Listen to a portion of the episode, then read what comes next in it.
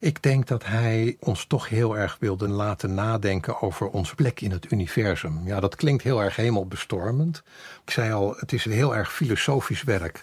We zijn met heel veel mensen op aarde, maar iedereen beleeft de wereld anders en beleeft de ruimte anders. Op een hele droge, boekhoudkundige manier zet het je op je plek. Weet jij hoe lang een kilometer is? Ja, uh, duizend meter, denk je vast. Maar beseffen we eigenlijk wel hoe groot die afstand echt is? In een tijd van GPS en stappentellers zijn maateenheden vanzelfsprekend geworden. Maar niet als het aan conceptuele kunstenaar Stanley Brown ligt. In zijn werk One Step on One Kilometer maakt hij een abstract begrip zoals de kilometer weer zichtbaar. Ik spreek erover met conservator beeldende kunst 20e eeuw Ludo van Halem. Mijn naam is Janine Abbring en dit is In het Rijksmuseum, de podcast van het Rijksmuseum. Iedere aflevering spreek ik met experts over opmerkelijke voorwerpen en hun makers, waardoor je op een andere manier naar kunst gaat kijken. In dit seizoen voorwerpen uit de 20e eeuw, wegbereiders naar het nu. Met in deze aflevering het conceptuele kunstwerk One Step on One Kilometer van Stanley Brown.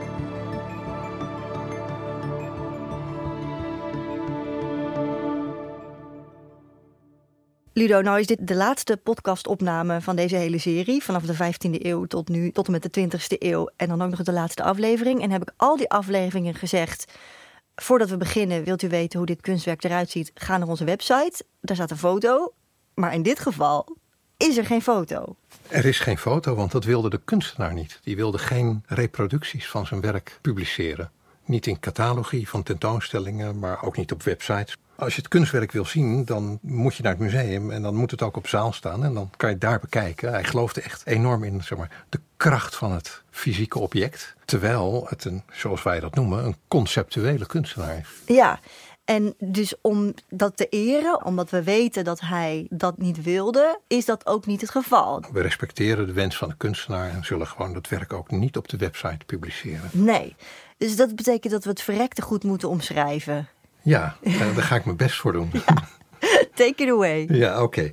We zien een grijze metalen kaartenbak, archiefbak, zoals je in, ja, vroeger in bibliotheken wel tegenkwam of in archieven met systeemkaarten erin. En een beetje groenig-grijs. Wel flink groot. Ik denk zo'n 30 centimeter lang en 15, 20 centimeter breed. Ook best zwaar. En die kaartenbak die staat op een tafel. En die tafel bestaat uit een grijs geschilderde houten plaat. Die op twee grijs geschilderde uitgeklapte schragen staat. Ja, een soort behangtafel. Ja, een soort behangtafel, schragentafel. Als je hem opbouwt is die ook een klein beetje wiebelig. En je kan die kaartenbak opentrekken en dan zitten daar duizend kaarten in. En als je dan naar de eerste kaart kijkt, zo'n systeemkaart, en dat zit dan met een, zo'n staafje geschoven, dan staan daar tien lijnen van 10 centimeter op. Hele dunne, met een inktpen getrokken lijnen. En op de achtste lijn staat een heel klein dwarsstreepje. En die kaartenbak die heeft aan de voorkant een metalen handgreep. Daarboven zit een soort etikethoudertje en daar staat de titel van het werk: One Step on One Kilometer. Eén step op één kilometer. Wat Stanley Brown heeft gedaan, want dat is de kunstenaar, is op die systeemkaarten per kaart lijnen trekken die samen één meter vormen, tien lijnen van 10 centimeter. En dan heb je dus duizend kaarten nodig voor één kilometer. Want als je alle lijnen achter elkaar zou leggen, zou je uitkomen op een kilometer. Heb je een kilometer. En op de achtste lijn van de eerste kaart heeft hij een dwarsstreepje gezet. En dat is de lengte van zijn eigen stap. Dus hij vond niet alleen het concept zoveel lijnen zitten er in een kilometer. Maar hij wilde zich ook nog verhouden tot zijn eigen voetstap. Ja, het gaat eigenlijk over de relatie van je lichaam tot de ruimte. Dat is de kern. Het gaat over afstand, het gaat over ruimte, het gaat over beweging, het gaat over richting. En dit is heel erg hoe je zoiets abstracts als een kilometer. Een kilometer is natuurlijk een afstand. Dat is een afspraak hè, tussen mensen. Zo lang is een kilometer. Mm -hmm. de kilometer bestaat uit duizend meters. En van die meter hebben we een standaard. Die standaard bestaat al meer dan 200 jaar. Dat is een metalen staaf. En Die ligt, geloof ik, in Parijs. Het origineel en het Rijksmuseum hebben daar ook nog een Ja, heb, kopie ook, van. ik heb er ook een podcastaflevering over gemaakt, de standaardmeter. Ja. Precies, de standaardmeter. En ik denk dat we tegenwoordig de meter niet meer definiëren door een metalen staaf, maar op een hele andere manier. Maar dit gaat eigenlijk over de menselijke maat en de abstractie van de maat. Hoe we de ruimte meten, hoe we de ruimte beleven. En beleven we die nou door dat uit te drukken in abstracte getallen? Of beleven we die nou door daar ook daadwerkelijk onszelf doorheen te bewegen en onszelf af te meten aan wat ons omringt? Ja. Als je op het strand staat en je kijkt naar de horizon, hoe ver is dan de horizon, denk je? Ja, da- daar geen idee. Ik heb het En wat opgezocht. het heeft, heeft dat met de bolling van de aarde te maken? Of Nou, is dat een ik- domme opmerking? Nee, dat heeft zeker met de kromming van de aarde te maken. Maar als ik het goed herinner, kan je niet verder kijken dan een kilometer of vijf. Ah, zo. Ja, dus dat is helemaal niet zo ver. Nee. En dat is voor een gemiddelde mens met een ogen op een eh, gemiddelde hoogte. Als je op een trapje gaat staan, dan is het dan weer ineens een stuk verder. Maar als je lui op het strand ligt, ja, dan is het nog veel minder. Dus die beleving van ruimte, die is ook wel heel erg gerelateerd aan hoe je kijkt en waar je bent en wat voor positie je hebt en hoe je door die ruimte beweegt. En nou, ik denk dat is eigenlijk wel een onderwerp wat Stanley Brown in zijn werk bij de kop heeft gepakt. En ook hoe je bijvoorbeeld, want ik zit me opeens te bedenken, ik wil een nieuwe bank en die moet vrij groot zijn. En toen was ik te lui om inderdaad zo'n meetlint te gaan pakken. En wat ik dan doe is, ik zet stappen op de vloer om te kijken hoeveel meter het ongeveer is. Maar Nou dat, ja, dat slaat dat- natuurlijk eigenlijk nergens op. Nee, dat slaat nergens op. Ja, je kan van een koude kermis thuiskomen, want dan komt die bank binnen en die past eigenlijk helemaal niet. Ja, maar Ja, toch ben je bezig is- met het verhouding tot jezelf Ja, inderdaad. ja, in ons metrieke stelsel is die relatie tussen lichaamsmaten en standaardmaten helemaal uit elkaar getrokken. Maar in het Anglo-Saxische Heb je meetsysteem feet? hè, heb je de voet en de inch, dat is de duim, en de yard. En de yard is eigenlijk wat korter dan een meter, dus die komt veel dichter bij de stap. Dus die relatie tot de lichaamsmaten is daar nog wat duidelijker. En in het verleden waren die maten natuurlijk heel sterk verbonden met lichaamsmaten. Had je inderdaad de duim als een standaardmaat. En je had de L, en dat is de lengte tussen je elleboog en je pols. Ja, dus je kon eigenlijk heel veel meten door je lichaam te gebruiken, in essentie. Nou staat dit kunstwerk per abuis als painting bij jullie geregistreerd. Ja, dat is een administratief ongelukje. Dat is een administratief foutje.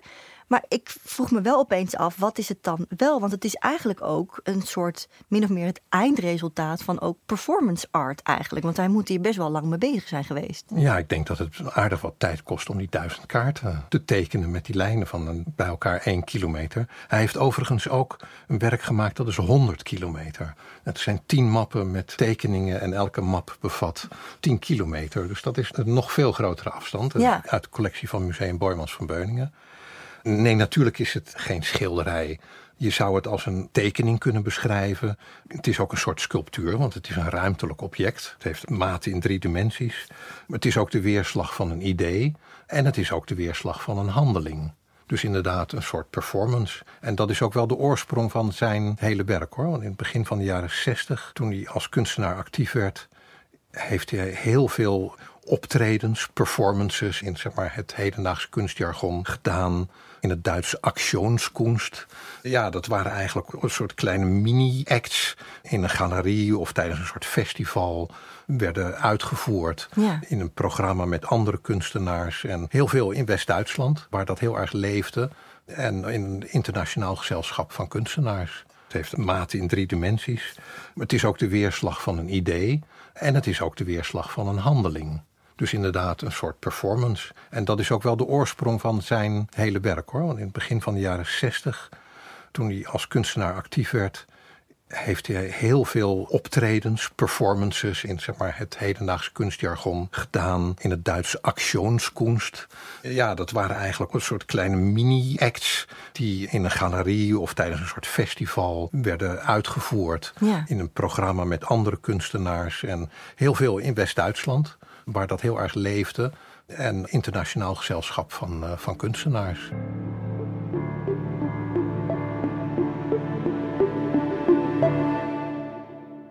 De maker van dit kunstwerk is Stanley Brown. Dat spel je B-R-O-U-W-N trouwens, niet als het de reguliere Brown. In 1935 geboren in Paramaribo, Suriname. Wat weten we verder nog over hem?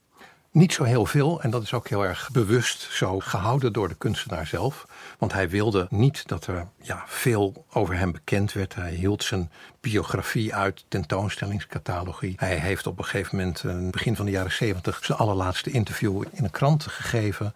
Als je een tentoonstellingscatalogus openslaat waar hij aan deelgenomen heeft, dan zie je eigenlijk alleen maar blanco pagina's. Hij wilde ook niet zelf op de foto. Hij wilde niet op de foto. Hij wilde ook geen overzicht van al zijn tentoonstellingen die hij gehouden heeft, van alle publicaties waar zijn werk in verschenen was. Hij probeerde eigenlijk alles wat hem. Geen spoor na te laten. Nou, wat hem persoonlijk maakte, uit te wisselen of weg te houden van de perceptie van het publiek. Een soort zelfverkozen enigma. Ja, dat zou je zo kunnen noemen. Maar het ging er eigenlijk heel erg om dat hij zichzelf als een soort universele mens beschouwde. Hij was wel Stanley Brown, maar hij was ook de mens die over de aarde heen loopt. Dat is een soort quote die ook wel in een van die allerlaatste interviews naar voren is gekomen. En als je die persoon te veel zou invullen met karaktereigenschappen of met uiterlijkheden, dan, ja, dan zou dat universele het, eraf gaan? Dan gaat het universele eraf. Dan wordt het denk ik ook minder filosofisch en veel individueler. Dan gaat het echt over waar was Stanley Brown op 31 augustus 1978. Maar dat doet er niet zoveel toe. Dat hij op een bepaald moment ergens was en daar zoveel stappen heeft gezet. Want hij telde ook zijn stappen. En dat noteerde hij dan ook. En zo heeft hij ook zeg maar, heel veel werken gemaakt die gaan over de afstanden die hij gelopen heeft. Maar het gaat er eigenlijk over van dat we dat allemaal doen. Dat we allemaal wandelen en lopen. En als je niet kan wandelen, dan moet je een eentje rijden in een scootmobiel of een rolstoel. Dat we ons allemaal van A naar B bewegen, ja, bedoel je? we bewegen ons allemaal door de ruimte. Het stappen tellen was toen. Kijk, nu is dat een heel ding. Maar in zijn tijd, dan hebben we het over wat, jaren 60? Uh, jaren 70, jaren 80. En dat was allemaal met de hand. hij niet zo'n ding om zijn pols, wat wij nu allebei wel hebben. Waarbij je stappen automatisch geteld worden. Dat was toen nog vrij ondenkbaar dat dat bestond. In ieder geval zo makkelijk toegankelijk Dus hij moest het allemaal met een handtellertje doen. En ja, je zou kunnen zeggen dat dat meten, dat hebben we helemaal geïnternaliseerd. Als je zo'n smartwatch hebt. Iedereen die houdt elke dag, die een beetje om zijn gezondheid geeft. Je houdt bij hoeveel stappen die op een dag gelopen heeft. En als je het gemiddelde van je doel niet hebt gehaald, dan baal je heel erg. Ja. dan doe je nog een rondje. Dan doe je nog een rondje, ja. Ja, ja, ja, ja, Maar weten we iets over zijn kunstopleiding bijvoorbeeld? Nee, hij is autodidact. Hij heeft geen officiële kunstopleiding gevolgd. Hij is ergens in het midden van de jaren 50 toen hij een jaar of twintig was, uit Suriname naar Nederland gekomen, naar Amsterdam gekomen en kwam toen eigenlijk al vrij snel wel in kringen van avant-garde kunstenaars terecht. Hij had contact met Armando, dichter, schilder, met wat heet de Nederlandse Nulgroep, met Armando en Jan Schoonhoven en Henk Peters. Dat was eigenlijk een groepje avant-garde kunstenaars die op een hele vernieuwende manier kunst wilden maken door vooral niet bezig te zijn met het klassieke schilderen, maar met moderne materialen te werken. Met plastic en met licht en met spiegelende oppervlakken. En nulkunst, zero-kunst is eigenlijk heel populair geworden, maar dat was toen nog natuurlijk een heel klein bewegingje dat zowel in Nederland als in Duitsland en op andere plekken in Europa een beetje de kop begon op te steken. Dus hij kwam eigenlijk vrij snel in een soort ja, voorhoede van de kunst terecht. En heeft in die context ook wel wat werk gemaakt, maar is vrij snel toch ook zijn eigen weg gaan volgen. En het is heel opmerkelijk dat hij op dat moment ook contacten kreeg in het buitenland. En op dat soort ja, performance festivals, vooral ook in Duitsland is gaan optreden. Ja, want die conceptuele kunst, hè, was dat iets nieuws in die tijd? Ja, dat begon begin jaren 60 langzaam op te komen. Er waren eigenlijk allerlei bewegingen gaande tegen het dominante schilderen in de jaren 50. Het abstract expressionisme, dat is zo'n brede Amerikaanse beweging. Action painting, van zeg maar, de hele bekende namen Jackson Pollock. Willem de Koning, dat waren echt ja, de schilderbeesten. Heel breed nagevolgd door de Verenigde Staten, maar ook in Europa. Dat wilde schilderen, dat domineerde dat kunstlandschap van de jaren 50 heel sterk. En ja, er was natuurlijk een nieuwe generatie kunstenaars in opkomst. Die dat vond het allemaal maar spierballen vertoon. En het was heel erg macho. En die zochten eigenlijk naar ja, andere vormen van kunst. Die vaak ook op het grensvlak zaten van theater of muziek. Ze zochten een beetje een soort crossovers. Een soort meer hybride, ja. Hybride, ja, verschillende media die eigenlijk in één ding te combineren zijn. En ja, daar kwamen dat soort festivals uit voort, waar kunstenaars optraden, een soort acts deden. En daar bleven vaak ook weer voorwerpen achter die dan als een soort reliek weer een kunstvoorwerpje werden. Dus ja, heeft, begin jaren 60 heeft hij veel van dat soort acties uitgevoerd. In Duitsland, ook wel in Nederland.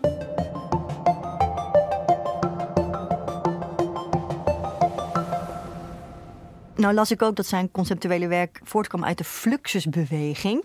Dat was nieuw voor mij. Ja, Fluxus, dat is eigenlijk een internationale beweging met een Amerikaanse spil, George Mashunas, die vanuit New York allerlei mensen om zich heen verzamelde die bezig waren om eigenlijk ook op dat snijvlak tussen beeldende kunst en theater en muziek te opereren.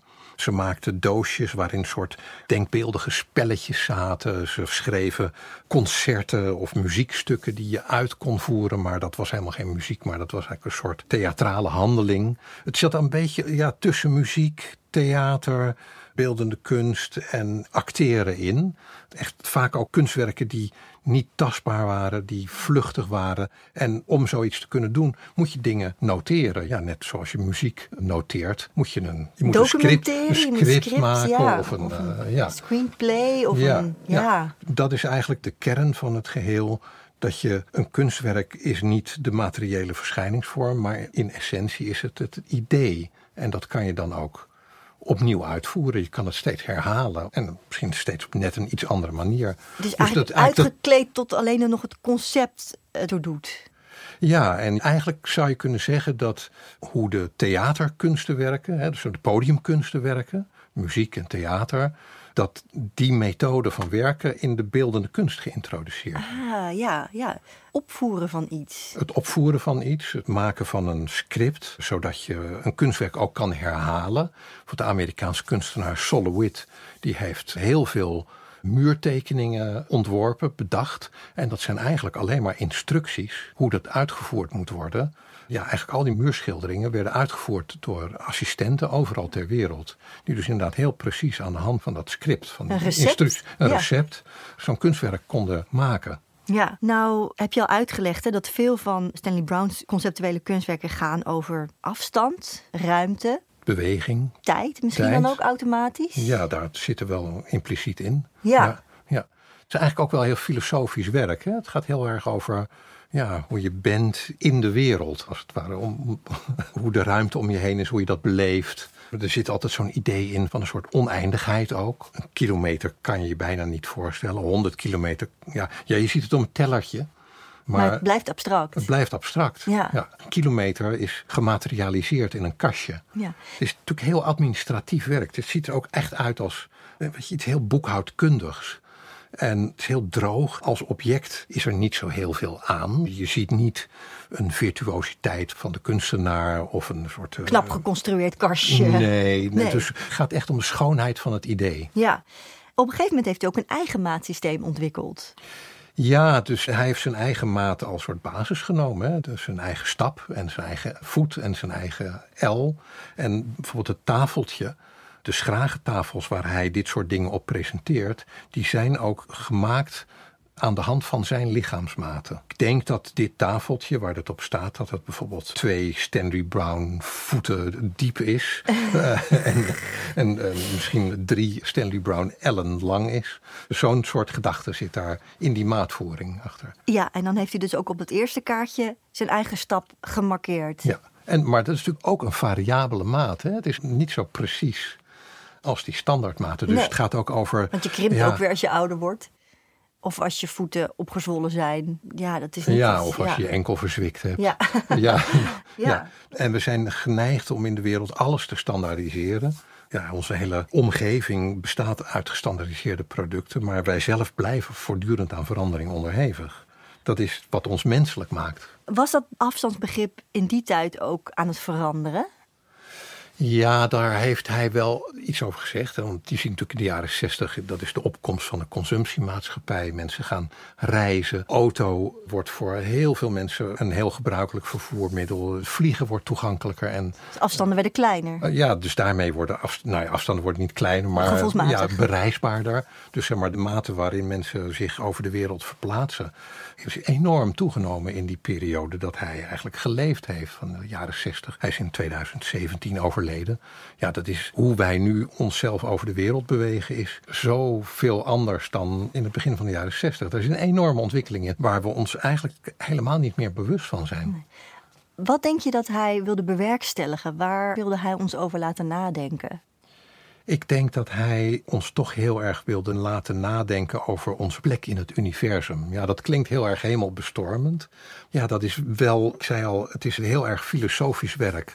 We zijn met heel veel mensen op aarde, maar iedereen beleeft de wereld anders en beleeft de ruimte anders. Op een hele droge, boekhoudkundige manier zet het je op je plek, zou je kunnen zeggen. Heeft het jou anders naar dingen doen kijken? Ja, ik heb altijd als ik dit werk zie, dan krijg ik altijd een soort visioen van oneindigheid. En oneindigheid is een soort, is eigenlijk een heel merkwaardig begrip. Ik zag laatst een hele mooie documentaire op Netflix over oneindigheid. Dat oneindigheid voor het menselijk brein niet te bevatten. Het is niet te bevatten voor mensen. Het is fascinerend voor wiskundigen, het is fascinerend voor kosmologen, het is fascinerend voor natuurkundigen. Het geeft je een beetje een duwtje in die richting van proberen je een voorstelling te maken van die eindeloze ruimte die we ook gewoon vanaf de aarde inkijken.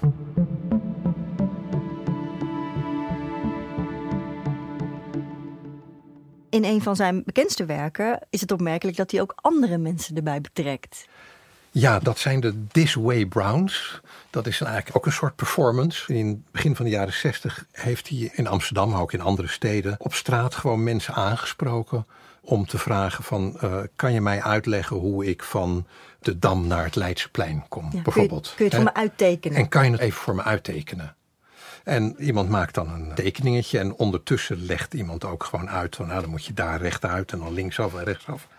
Dat gaat zo en zo. En die tekeningen verzamelde hij. Hij vroeg dat aan heel veel verschillende mensen. En dan later zette hij er een stempel op. This Way Brown. Dus dat was een soort actie, heel normaal om iemand te weg te vragen. Eigenlijk is het This Way, comma Brown, toch? This Way Brown. Ja, ja, ja. Zo, hier, hier moet je deze, naartoe, ja, uh, deze kant moet je op, ja. Maar die mensen waren zich natuurlijk nergens van bewust dat dat een kunstenaar was. En de tekeningen die verschillen ook heel erg van elkaar, ook als het om dezelfde route gaat. Dus het zijn een soort toevalstekeningen. Ze zijn niet per se mooi. Iedereen maakt zich een voorstelling van de ruimte.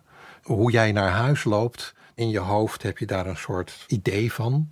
En als je dat aan mij probeert te vertellen, probeer ik me dat voor te stellen. Maar dat idee wat ik me daarvan vorm, is totaal anders dan jouw idee. Nee, klopt. Ja, en het raakt mij persoonlijk ook heel erg, omdat ik namelijk een best wel heftige handicap heb. Ik heb namelijk geen richtingsgevoel. En dan niet in de zin van slecht richtingsgevoel, maar non-existent. Als ik me door een stad beweeg, is het alsof ik door een soort suikerspin ga. Ja. En ik heb dus geen richtingsgevoel. Dus ik zou zo'n tekeningetje ook niet kunnen maken, bijvoorbeeld. Dus ik vond dat project van hem ook zo fascinerend nou, je ziet sommige tekeningen, is alleen maar een rechte lijn of twee punten. En als je nu zo'n tekening ziet, ja, je hebt geen idee waar dat natuurlijk over gaat. Maar het zijn als het ware een soort relieken van zo'n soort performance. Ja, dat sprak in de jaren zestig toch ook heel veel mensen aan. Daar is hij ook heel erg bekend mee dat geworden. Dat vroeg ik me ook af. Hoe werd erop gereageerd? Ja, omdat dat natuurlijk eigenlijk een hele zuivere vorm was van conceptuele kunst, zou je kunnen zeggen. Het is eigenlijk een soort notitie van een idee wat de ene mens aan de andere mens probeert over te dragen. Dus er zit een hele immateriële kant aan dat werk. Het immateriële is ook een materiaal voor een kunstenaar als Stanley Brown. En dat is eigenlijk ook de reden waarom maar ook heel veel collega-kunstenaars van hem zijn werk ook heel erg waardeerden. Het is echt ook wat je dan noemt een artists artist. Een kunstenaar die heel erg door kunstenaars wordt gewaardeerd en veel minder bekend is bij het grote publiek. Maar dus ook invloedrijk op die conceptuele kunst? Zeker, ja. Ook heel opmerkelijk was toen hij was overleden in 2017, dat er in de Frankfurter Allgemeine, de Duitse krant, een overlijdensadvertentie verscheen. En die was ondertekend zo'n beetje door echt alle conceptuele kunstenaars uit de afgelopen decennia die er, die er wat toe doen. Dus onder collega's was er een enorme waardering voor zijn werk en ook de consequentie waarmee hij de basisideeën van zijn eigen oeuvre zo lang heeft volgehouden. Want dat idee over maat en afstand en beweging, ja, dat is, daar is hij nooit van afgestapt. En ook zeg maar, zichzelf uit zijn werk houden. Daar is hij ook nooit van afgestapt. En dat dwong een enorm respect af. Echt een schoenmaker die bij zijn leest. Absoluut. absoluut. Ja, ja. Was hij ook actief in dat kennis overdragen? Gaf hij les? Ja, hij is een van de docenten geweest aan een opleiding in Nederland. Die heette eerst Ateliers 63 en nu gewoon Ateliers. En dat is een, ja, je zou het kunnen zeggen, een postacademische kunstopleiding. Kunstenaars kunnen daar zich voor aanmelden en worden geselecteerd als ze al een kunstacademie hebben afgerond, dus al zeg maar, een, een volwaardige kunstopleiding hebben gedaan. Mhm. Of een buitengewoon talent uh, bezitten. En ze krijgen dan een, eh, een atelier toegewezen. Daar kunnen ze werken. En dan eens in de zoveel tijd komt er een groep collega-kunstenaars van uh, ouder en meer ervaren met een grotere reputatie langs. En die bespreken dan het werk van die kunstenaar op dat atelier. Dus het gaat echt erom wat er in dat atelier gebeurt. geen schoolsysteem. Maar... Geen schoolsysteem, nee. Echt gewoon de werkplaats is de kern. Heel lang is hij daar docent geweest, maar hij is ook docent geweest op de kunstacademie in Hamburg. En heeft toch ook ja, veel studenten opgeleid. En er zijn ook veel studenten die met respect over hem uh, spreken. En je ziet het soms ook terug in het werk van nieuwe generatie kunstenaars. Een bekend voorbeeld is het werk van de Nederlandse schilder Philip Akkerman die al sinds nadat hij van de ateliers is gekomen, sinds het begin van de jaren tachtig, alleen maar zijn eigen zelfportret schildert. Dus hij heeft denk ik wel 4.000, 5.000 zelfportretten van zichzelf gemaakt. Dus dat is eigenlijk een uitdijend oeuvre van zelfportretten. En hij heeft ook echt in meerdere malen in interviews gezegd van ja, dat heb ik aan Stanley Brown te danken. Om niet af te wijken van dat pad, om die consequentheid vast te houden. Ja om zo'n zeg maar, zo'n enorme discipline aan je, ja. monomaan, obsessief vasthouden aan, aan een thema. En dat is een soort uitdijend universum. Ja. Op welke manier is Stanley Brown's werk nu nog relevant? We hadden het net al natuurlijk over die stappenteller, maar dat was meer een grappig iets. Maar ja, de wegvraag is ook iets wat ja, dat doen we eigenlijk zelden meer. hè? Ja, nou, af en toe overkomt het me nog wel eens dat iemand mij de weg vraagt. En dan denk ik zo van, dat is wel heel, een beetje soort... Heb je geen mobiel? Ja. ja. heb je geen smartphone? Heb je geen navigatie op je telefoon? Nee, af en toe gebeurt dat dus nog wel eens. Maar we meten zoveel met al die elektronica die wij dagelijks om ons heen hebben. Maar ja, dat is voor ons heel vanzelfsprekend. Maar dat is niet overal in de wereld natuurlijk vanzelfsprekend. Dus zeg maar, ja, hoe je door de wereld moet navigeren en wat voor methodes je daarvoor hebt, dat is iets wat natuurlijk door de tijd heen evolueert. Hè. Je had kaarten, we keken naar de sterren, we lieten een spoor van steentjes achter ons of broodkruimels. Knopen op zee. Kun je knopen, draadjes. De speurtocht voor kinderen is natuurlijk altijd nog wel een enorme uitdaging. Dus de weg door de wereld vinden, dat is eigenlijk een thema waar we voortdurend mee bezig zijn. Dus dat speelt een rol. En wat ik zelf eigenlijk ook altijd wel mooi vind, ik heb ooit eens een klein boekje gekocht. En dat was denk ik ergens van uit de jaren dertig. Een Duits boekje. En dat was Die Romantiek des Messens.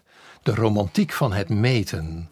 En het gekke is, dat werk van Stanley Brown is heel droog en heel precies en heel boekhoudkundig. Het is bijna een soort administratie voeren. Maar tegelijkertijd zit er ook een enorme romantische kant aan. Waarin je ja, dat idee van die oneindigheid en die wereld die aan je voeten ligt. En dat je alle kanten op kan. Dat je je kan bewegen en dat je een soort vrijheid hebt om, om als mens in de wereld te zijn. Dat is ook wel waar dit werk om gaat.